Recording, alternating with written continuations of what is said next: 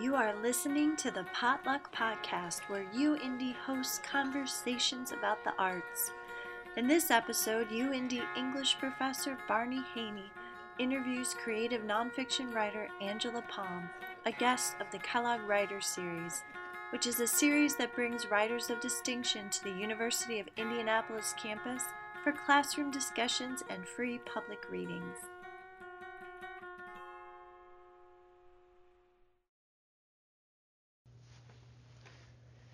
Hello, intrepid listeners, and welcome to the University of Indianapolis Arts Podcast Series. I'm Barney Haney, Assistant Professor of English at UIndy and co-chair of the Kellogg Writers Series.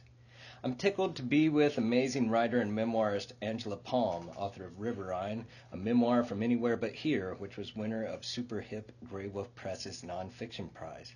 It's a book that vividly captures small town Indiana it rips your heart out at times. It's mind expanding, emotionally challenging, and it presents a captivating, art, a captivating argument about society's culpability in the cultivation of crime.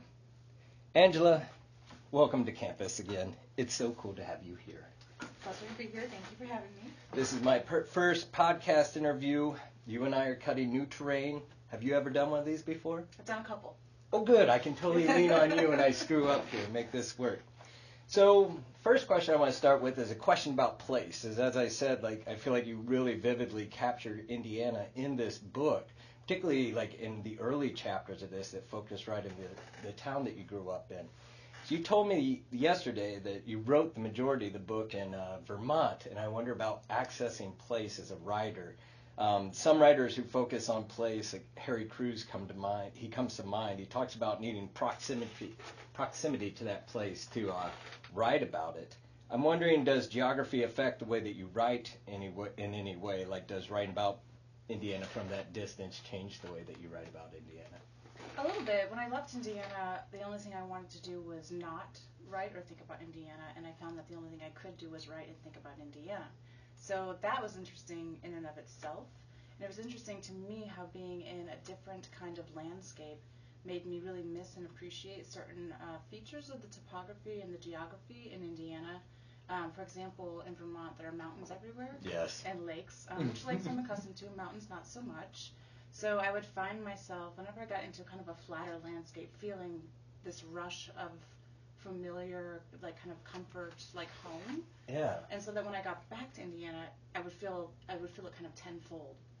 So, kind of honing that or channeling that um, kind of landscape as in a nostalgic way was kind of the beginning of memory. And then from there, it became a little bit more complex. But I was always able to visualize it in my mind, and it really never left me. I think a lot of um, what Terry Tempest Williams wrote in An Unspoken Hunger, which I reference all the time when I'm talking about place and how we write and relate to place. Um, and she wrote, um, to paraphrase, I guess, that like our, the the original landscapes that we grow up with that kind of always stay with us inside of us, and I felt that was very true about the Midwest and Indiana in particular.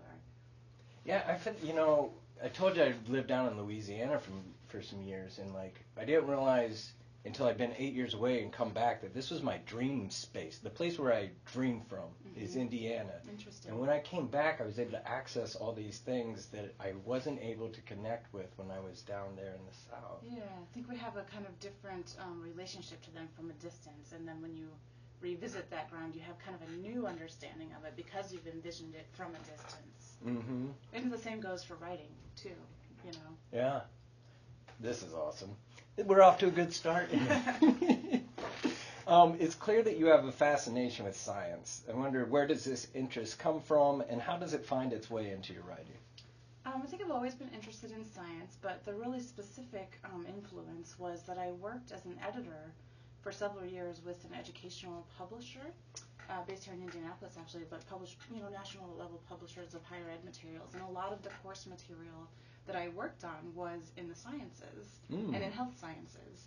And I started learning a lot about biology and microbiology and um, psychology, and those things kind of percolated in my writing a little bit.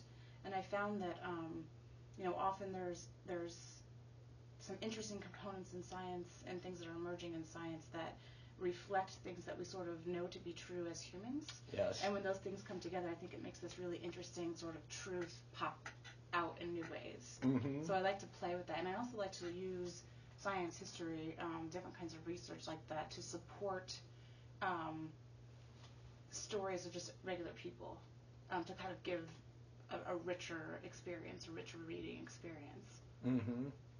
And I was noticing that in your writing. Like, I remember um, uh, one of the essays in this book uses thermodynamics, and I wondered if, like, and it becomes this big, like, metaphor or way that we can understand the uh, subject matter in there. Did the subject matter find its way towards thermodynamics, or did it start with thermodynamics and then I wrap think around it that? started with the thermodynamics as kind of an entry point into metaphor Mm-hmm. or into experience, and then they kind of started speaking to each other, and I saw that one was kind of reflecting the other. And ultimately, what I kind of enjoy doing is creating this package of ideas that arrive at some sort of um, enactment of science or the universe through really basic everyday human experience and how we're sort of just living out these different biological or evolutionary or, or um, physics sort of concepts, even in Mhm. our daily lives, but we never think about that. We never think of ourselves of like living that way moment to moment. Mm-hmm. So I like to create these tight little packages in which you're getting information um, about those kinds of things like thermodynamics, but you're also kind of having this reading experience that you could not have if you were to cut either part away. I see. This is this next connection is going to connect us right down that line. You, you use various structural composition techniques in Riverine. Um, dispatches from anywhere, but here is a catalog style of theories. Um, DIY for the faithless is like a collage of flash focus themes. I felt um, bifurcation and uh, map of home organized around these scientific metaphors we talked about. Can you talk about the relation between structural design and subject matter? Are some moments of subject matter dictating the structural design, or how do you navigate that ground when you're writing? What I like to do is start usually with an image or a memory, something really basic and something just real tangible. Mm-hmm. And then I kind of write through that, and I will often kind of stumble into a structure that relates to it. And then I'll kind of write toward the structure and let the structure guide the whole thing. And then sometimes the structure will no longer serve, but I've gotten a, a, quite a bit of content, so I'll kind of revisit the content, see if it still fits that structure, pull the structure back, pull it away, apply a new one if the new one's warranted, or if like some kind of new understanding about the material like arises from the experience Mm-hmm. and then um, kind of refine it from there. So it's it's a give and take, and I move back and Yeah. forth between the form and content marriage a little Mhm. bit. But um, that for me is the most exciting part of writing is because it feels like an experiment where I'm kind of looking for Yeah. a surprise, and I don't know what it is. Well, and that's so interesting because you know, I mean, this is material from your life. Are you Mm-hmm. writing about things that you know already? It's creative nonfiction, but you're finding surprise in like the form becomes a surprise of the structural part. Like, how am I going to say it out? Oh, that's so that's so. And for me, that's like the, the intellectual or like sort of scholarly joy Mhm. of writing. Um, is kind of unpuzzling that and repuzzling it and, and making something new from it That's while awesome. also telling a story. Yeah. often, so staying on the, the craft theme here, often your essays, um, they'll, they'll have a tight focus, but you'll diverge from it, um, from a specific idea to allow for this more comprehensive view and find your way back to this. And as I was telling you yesterday, I feel that there's a patient, like poetic quality to the way that you're doing this here. Um, does this way of telling come organically to you, or is this kind of forcibly crafted? It's a little bit of both. For me, it comes a little bit organically in that it reflects the way that I think and the way that I experience the world. Mm-hmm. And I think it reflects the way that our brains work too. Like we're not really on one thought all the time, and we're kind of constantly um, taking in different stimuli and experiences, even as we're dealing with one one thing, right? So I wanted to reflect that in the writing and to create more of like this is this is like a brain on paper, and hopefully it feels a little bit like that, and how our thoughts meander and then kind of come back, but maybe they've picked up a few more pieces of information that then inform that original thought Mm-hmm. um, in ways that couldn't have necessarily happened if we hadn't had that particular um, interaction with the stimuli or whatever it is. Mm-hmm. So there's that, and that's an organic process for me. And then I studied a little bit about um, what Judith Kitchen writes about digressions Mhm. and following them as writers. and I found it really interesting because there was a little bit of um, sort of formalized talk around this thing that I was already doing. So I started looking into that a little bit more and experimenting not only with um, her idea of following these divergences to see where they go and um, how they kind of inform the thing that you're writing about um, in ways that are unpredictable and often, you know, like little gems just waiting for you Mhm. to uncover. And also I started experimenting with cut-ups, like in the William S. Burroughs style Mm-hmm. um, to kind of uncover some new meanings through juxtaposition of things that didn't seem like they were supposed to go together. Mm-hmm. So it's I feel like the divergence works because you grew up in Indiana. That like a divergent style of conversation is an Indiana polite style of yeah, conversation. yeah, that's a great. Yeah. Oh my god, I hadn't even thought about that. That we're always like talking around the Around, issue and yeah. never like right to it, but maybe we'll get to it eventually. Mhm. But it's Indiana polite on. On go- yeah, we're gonna go through for a conversational walk around the block. um, conceptually, was the big idea behind Riverine in your mind when you began the project, or did it come by you, come to you piece by piece, or was it a combination of both these things? Both of those things, I, I found um, myself really kind of adding to the work through a series of questions. And once I wrote through one essay, another question would arise. And then I tried to organize the material. You know, chronology didn't seem to quite work. Um, top, you know, topical organization didn't quite work either. So what I decided to do was kind of take this mapping concept that that finds its way into the first essay and kind of serves as an introduction and, and a guide for reading the entire book, and apply it to different spaces within this world. Mhm. So we kind of start with a big sort of bird's eye view of a map, and then every chapter zooms in more closely on different aspects of life in that map. So we're looking at um, religion there. What are the social dynamics? What are the family dynamics like? Until we get like closer and closer to the heart of this crime. Mm-hmm. So this leads this leads nicely to this next question. So I want you to tell me about your thoughts on ethically writing about memories in creative nonfiction. If our minds normally construct memories using a blend of remembered experiences and knowledge about the world, and these memories can be altered by new experiences that end up tangling the past with the present, how does one ethically navigate that memory? In a couple different ways. I think one is being very aware and very open about the fact that all memory is imperfect and everyone's memory about the same series of events is um, grossly different. Um, so, honoring that, admitting that, being forthright with that on the page um, by saying things that cue the reader, um, such as, I don't remember exactly, or maybe this was a dream, or maybe so and so remembers it differently. So, just being very transparent about that Mm-hmm. um, but also honoring the truth of experience and the truth of perception. So I try to find a balance between those two things. mm-hmm. And, um, you know, it's always a struggle because I think inherently, you know, we, we don't know what's what's real or true about, about the past. We only know what we think we know. And I was studying recently, um, there's this essay on Proust's, um, one of his works on, on memory, and it talks about binocular vision.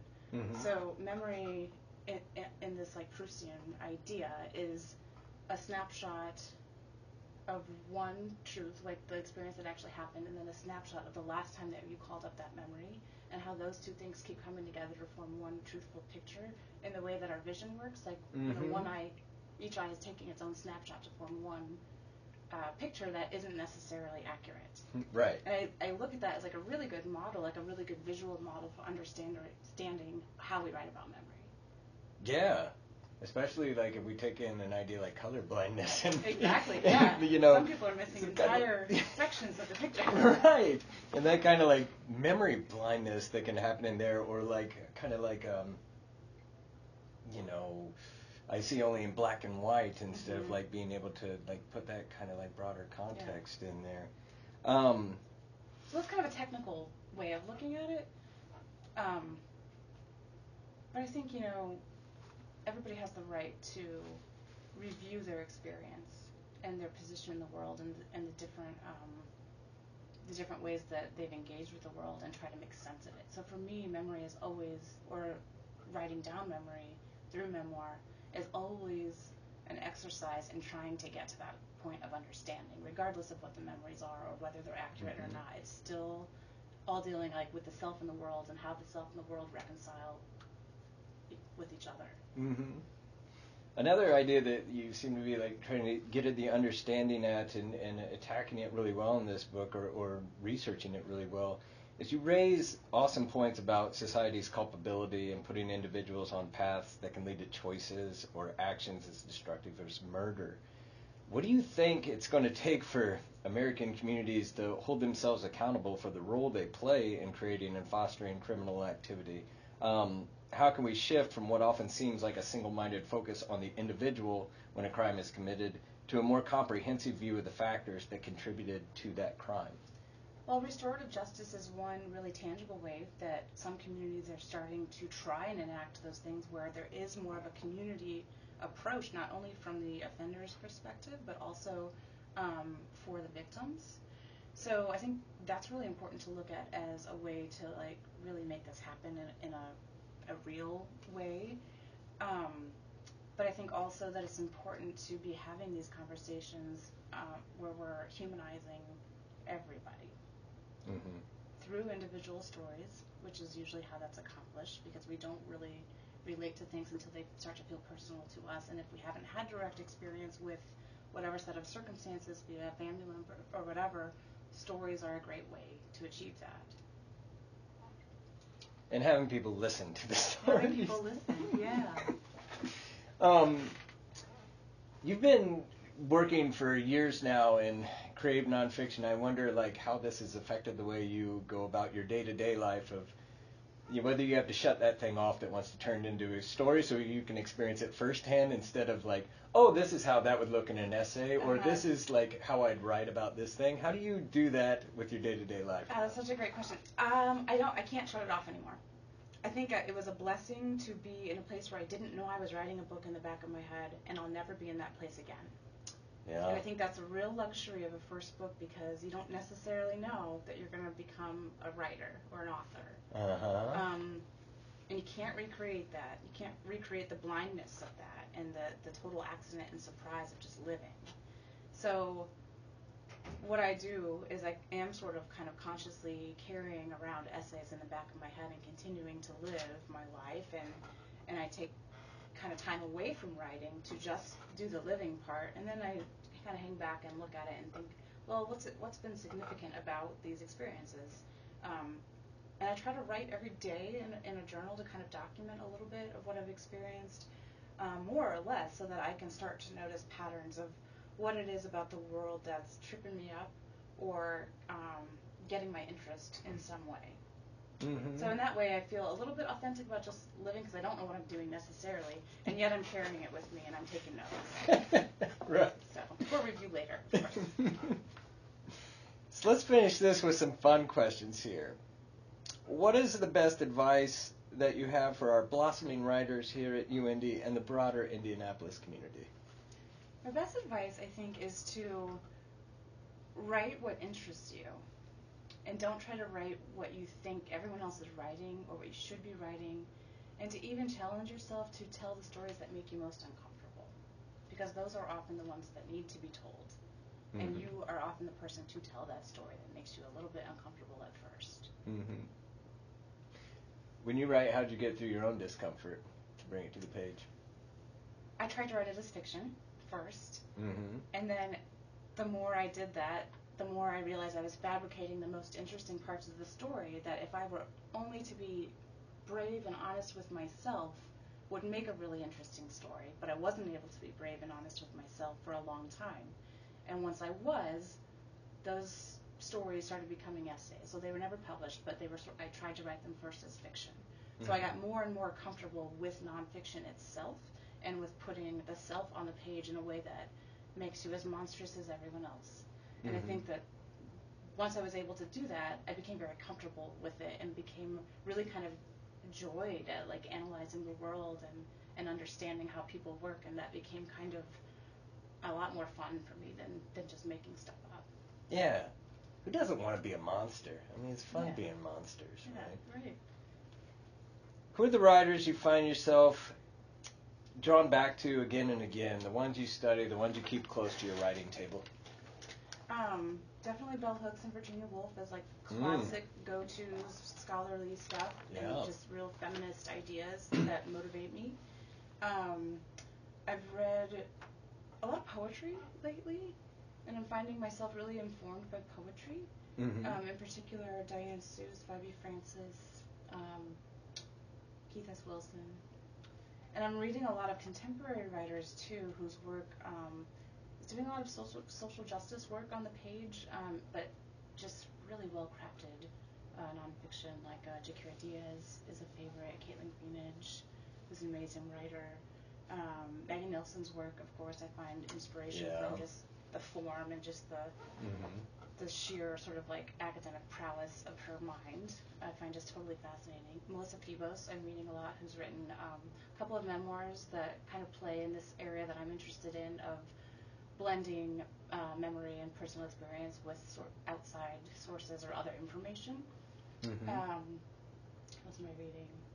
Jo Ann Beard w- informed my work quite a bit in her book Boys of My Youth mm-hmm. uh, partially in you know it being a, a set of like inter- interconnected essays, but also she really wrote this sort of rural America female you know kind of girlhood voice that uh, unlocked something for me and how I was able to write about childhood or it, or how I was able to kind of like capture the the voice that felt authentic to the experience. Mm-hmm. So her work is always kind of um, a go-to for me because of that. Wendy S. Walters and her book Multiply Divide is kind of a guide for me in how to blend um, serious content with lyricism Mm-hmm. and like a real sort of poetry on the page in nonfiction, which I just love.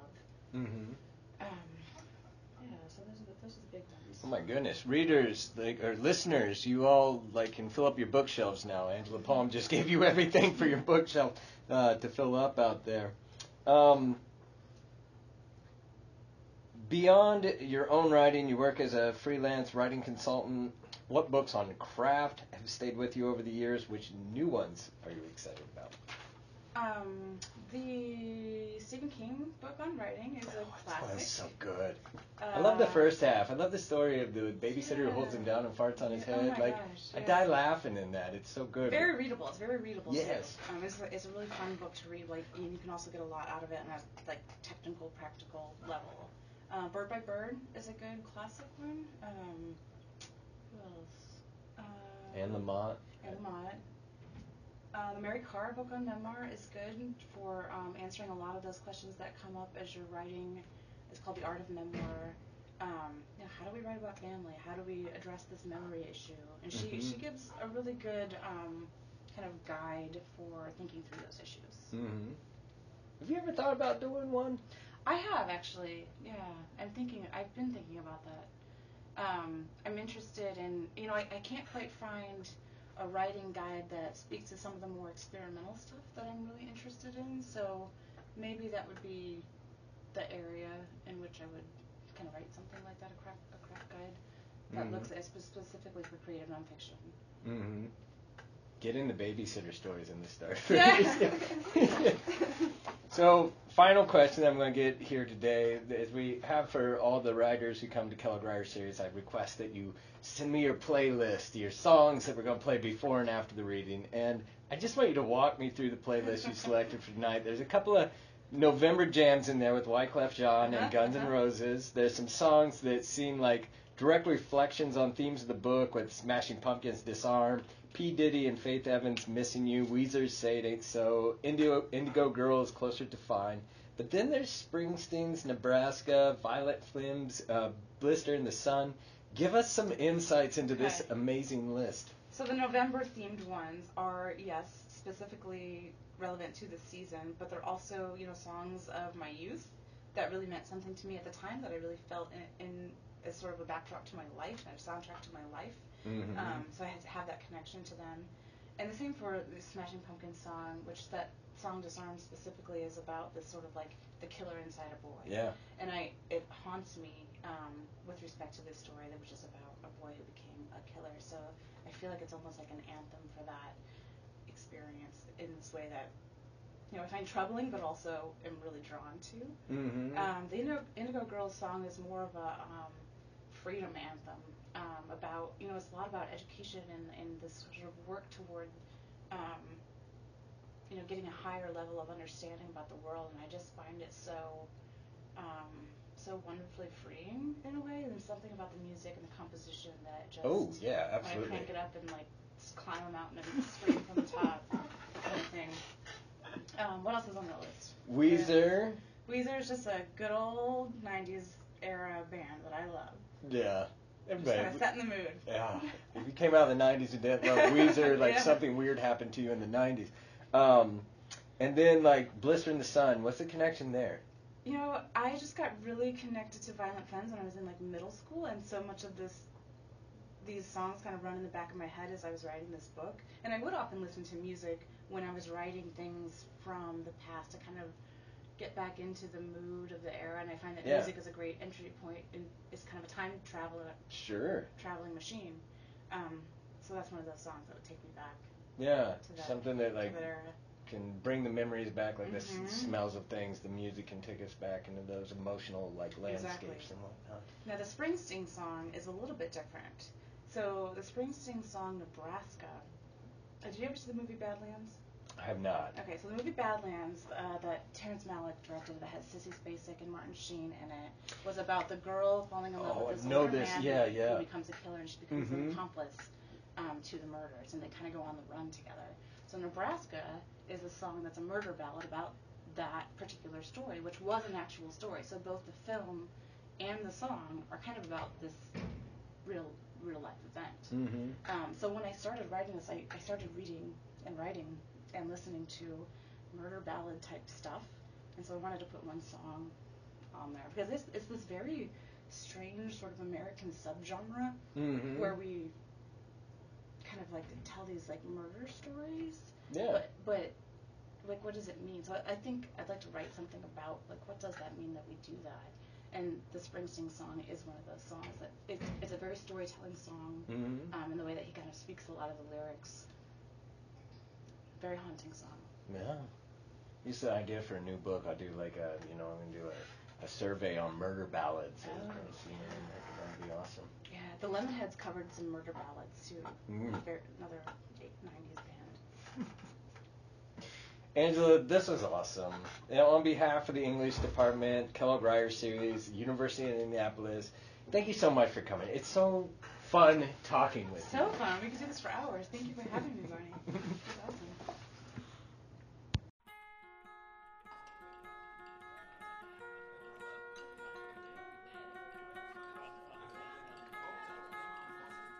Thank you for listening to the Potluck Podcast, hosted by students and faculty of the University of Indianapolis.